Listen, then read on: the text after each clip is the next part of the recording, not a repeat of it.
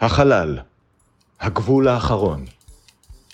זהו מסעם של עידן זיירמן וארז רונן. משימתם, לצפות בכל הפרקים של סטארט-טרק לפי סדר כרונולוגי, לדבר עליהם ולצעוד בעוז למקום בו אף אדם לא צעד מעולם.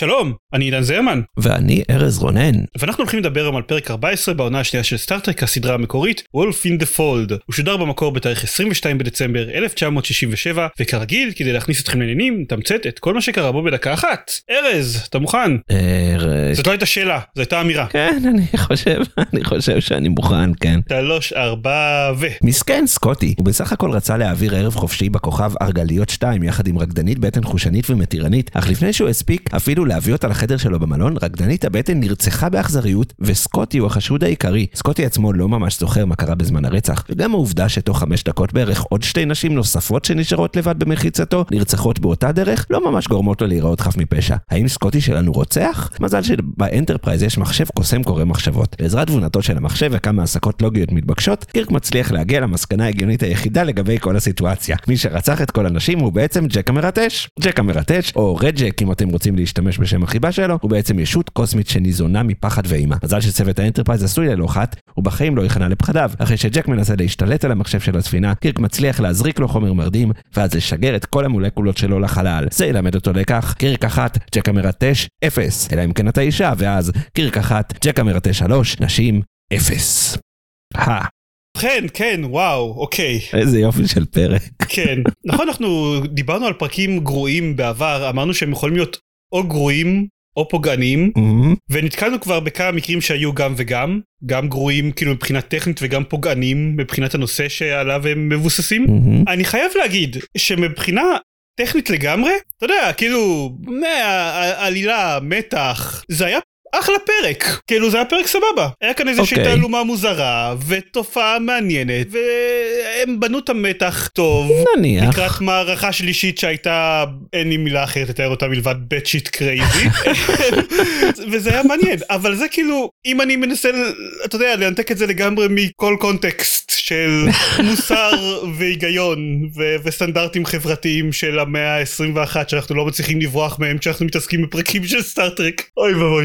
קודם כל לפני זה אני, אני רוצה להגיד רגע שבסדרה הזאת לסקוטי אהוב ליבי יש אה, שני מצבים או שהוא כאילו מלך העולם שממש cut through the bullshit ומנצח את כולם או שהוא דופוס מוחלט חרמן שלא יכול להשלים משפט בגלל שהוא מזיל ריר ולמרבה הצער הפרק הוא היה השני ואני לא אוהב אותו אני אוהב את סקוטי המגניב כן זאת גם בעיה. זה הבעיה הראשונה של הפרק. אני לא מסכים שזה היה פרק, בוא נגיד ככה. זה היה פרק גרוע בקטע טוב לדעתי, זאת אומרת עם כל הדברים הגרועים, רוב הזמן די נהניתי ממנו, המערכה השלישית שבאמת הלכה למקומות הפסיכיים לחלוטין, ונדבר על זה עוד מעט אני מניח, פשוט אני לא האמנתי שזה מה שאני רואה, אני כאילו אמרתי מה קורה פה, אבל לפני זה, כאילו ההתחלה הייתה קצת מטופשת, אז אמרתי אוקיי בסדר, מי רצח אותה, אוקיי, אבל אז זה נהיה די משעמם. כל המערכה השנייה, כל האמצע, עם ה... הם ניסו לעשות איזה חצי סיאנס מוזר בבית של ה-whatever, הצ'יף של הכוכב הזה, לא הבנתי בכלל מה התפקיד שלו, ואז אשתו שניהלה את ה...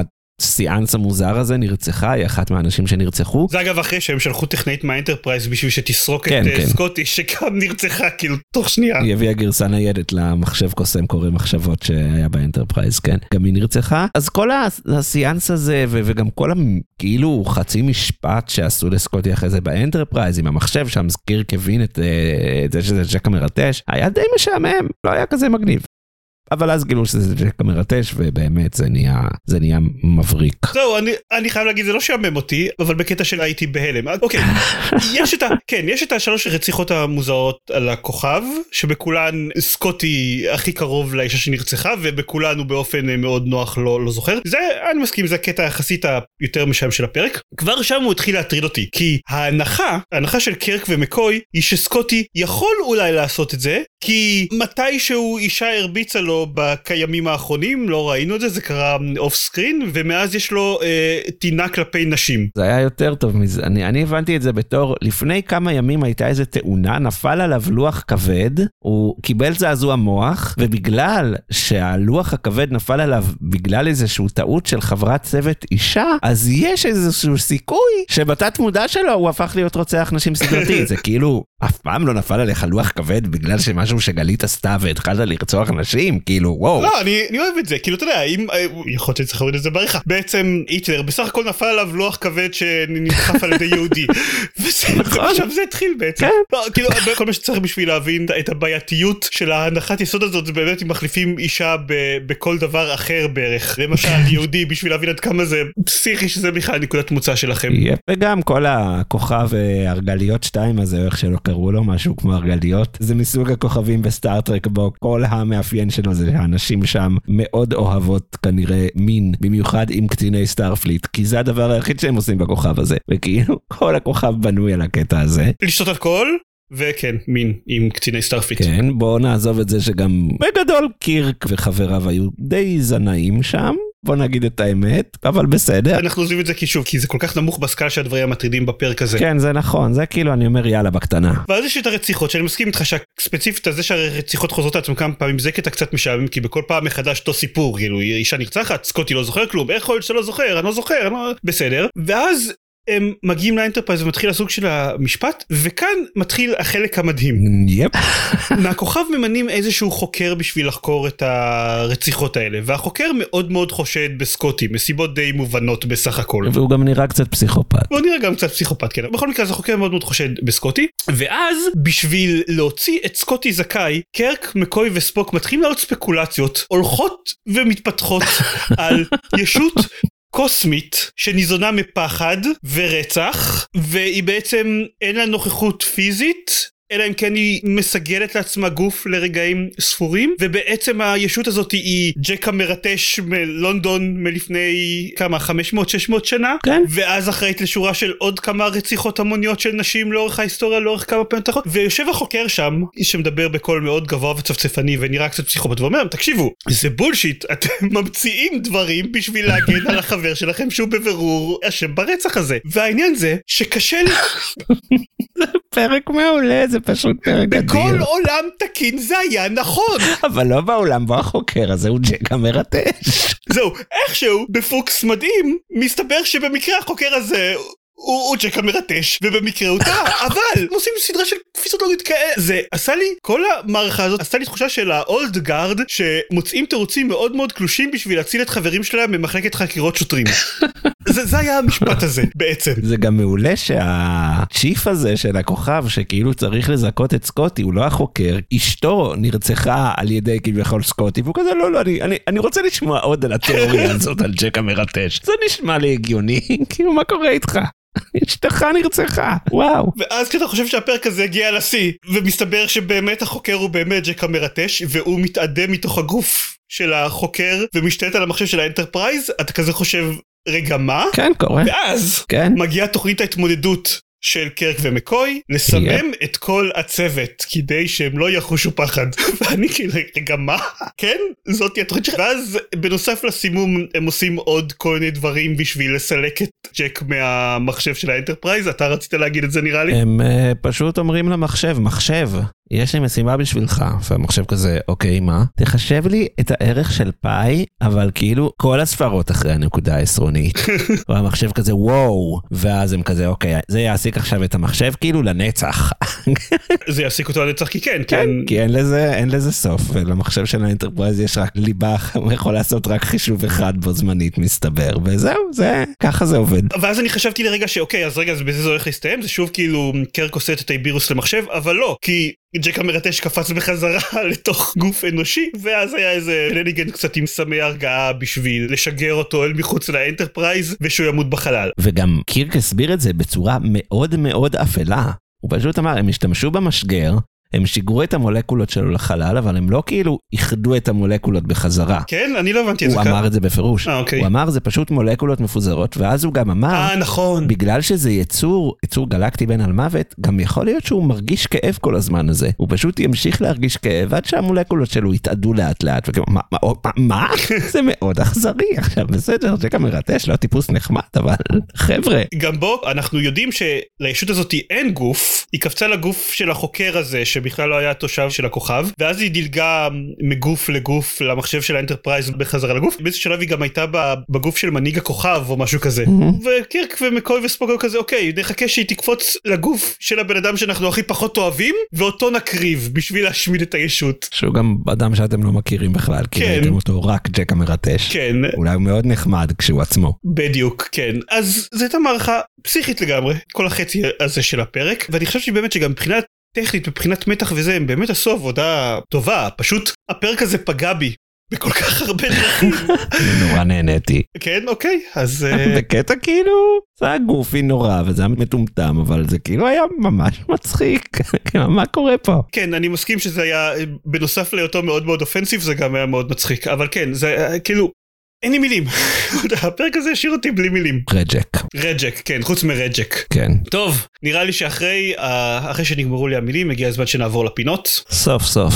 סוף סוף פינות. אז בפינת הטריוויה יש לי רק שני דברים קטנים. בסצנת פתיחה הצוות היה אמור לשתות משקאות כאלה שמורכבים אה, מכמה צבעים שונים מסודרים בשכבות וכל שכבה הייתה משפיעה על המצב רוח שלהם בצורה אחרת.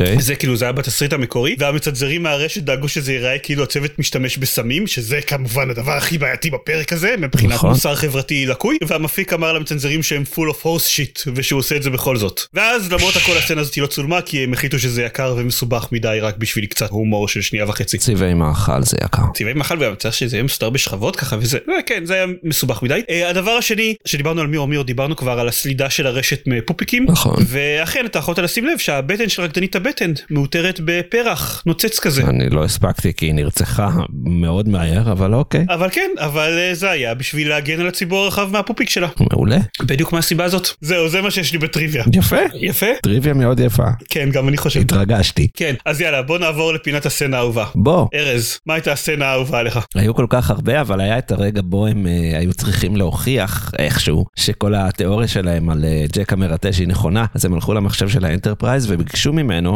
שייקח את כל המקרים שהיה כזה רוצח סדרתי של נשים שאף פעם לא נתפס בכל רחבי הגלקסיה, ויבדקו אם זה יוצר מסלול. והפלא ופלא זה יצר מסלול מלונדון עד לכוכב שהם מצאו שם את אה, ג'ק המרטש, וכאילו רק המחשבה שבכל המאות שנים האלה היו כאילו רק איזה ארבע מקרים בכל הגלקסיה של רצח, כאילו זה היה תמימות מטומטמת נורא, אבל כאילו זה, זה היה איזשהו קטע נורא תמים בתוך הטמטום הכללי של הפרק, שנורא הצחיק אותי והיה עצוב גם, עצוב חברתית, כי תכלס יש יותר נראה לי, כן. כאילו פספסו את זה שם, אבל לא יודע, זה היה כל כך מוזר וכל כך כאילו, מה, מה קורה איתכם? טוב, אוקיי, אני אזרום. זאת הסצנה. אוקיי. אני uh, כתבתי לעצמי שהיו באמת הרבה מאוד סצנות מועמדות. באמת חצי מהתהליך הסקת מסקנות שלהם היה מועמד מאוד מאוד בולט לסצנה אהובה. אבל בסופו של דבר אני לקחתי את הסצנה שלך ארז. קרק עושה את הטייביריוס Mm. למחשב ומבקש ממנו לחשב את פאי עד הספרה האחרונה. זה באמת היה מאוד יפה, זה חכם. אלה הסצנות האהובות שלנו. אתם יכולים להיכנס לקבוצה שלנו צופים בין כוכבים הקבוצה בפייסבוק ולהצביע איזה מהסצנות האלה אתם אוהבים יותר או להציע סצנה בעצמכם. שאתם אוהבים יותר משתי הסצנות האלה זה אפשרי יש ייי. בפרק הזה הרבה סצנות מאוד מאוד טובות. נכון? פרק מעולה. ועכשיו אנחנו נעבור לפינת השאלה המטופשת המתחלפת שלנו והשאלה שלנו להשבוע היא במהלך הפרק בכמה הזדמנויות קרק ובונס מפנטזים על ביקור בבית קפה בכוכב שבו הבחורות הן מאוד שלוש נקודות. Mm, קרק אף פעם לא משלים את המשפט הזה. אז ארז כן. מאוד מה אה, מאוד מאוד אה, הן מאוד יהודיות ודמוקרטיות. זהו. יפה כן. אה, אני חושב שהבחורות האלה מאוד מאוד משוכנעות בזה שלספוק יש אחות חורגת ושאפשר לנוע בגלקסיה עם אה, מנוע מבוסס פטריות והרי כולנו יודעים שזה בלתי אפשרי. זה נכון. בטח לא בתקופה של קפטן קרק או אפילו כמה שנים קודם לכן. כן כן אה, הוזות הוזות לגמרי. זה מרתק ההזיה הקולקטיבית הזאתי והגיע הזמן לפינה האחרונה שלנו פינת הטופ שלוש המתעדכן ארז הטופ שלוש הנוכחי שלך הוא במקום השלישי Journey to Babel, במקום השני The Doomsday Machine ובמקום הראשון מירור מירור, עוד פרק עמוס פופיקים. האם in the Fold נכנס לשלישייה הזאת? המאזינים לא ידעו כי הזמנים לא מסתדרים במתי שאנחנו משחררים פרקים, אבל כמו שאמרתי בהקלטה שהקלטנו השבוע על The Last of Us, לא, אבל זה במקום הרביעי. אוקיי. סתם, לא, לא, זה גם לא במקום הרביעי, אבל אה, לא, זה לא נכנס. סבבה, מרגיע לשמוע, אני רוצה להגיד. אצלי הפרק במקום השלישי הוא Amok Time, במקום השני Journey to Babel ובמקום הראשון The Doomsday Machine, וכן, למרות שבאמת לי אין פופיקים, בטופ שלוש אז לא הפרק הזה לא נכנס גם לא מתקרב כמו שאמרתי מבחינה טכנית אני חושב שהפרק הזה עשה המון דברים בסדר אבל כל בחינה אחרת הפרק הזה פגע בי בכל הצורות שאפשר לפגוע בי אז לא. אני לא הולך לתת לו ליהנות מהספק ולהיכנס אפילו להתקרב לטופ שלוש שלי. ייי. זה הכל הפעם נחזור בשבוע הבא ביחד עם אורח מיוחד ונדבר על וואו. הפרק The Trouble with Tribbles. יאללה, הגענו. יהיה מעניין ופרוותי וקטן וחמוד. נכון. להתראות לכולם. ביי ביי. Thank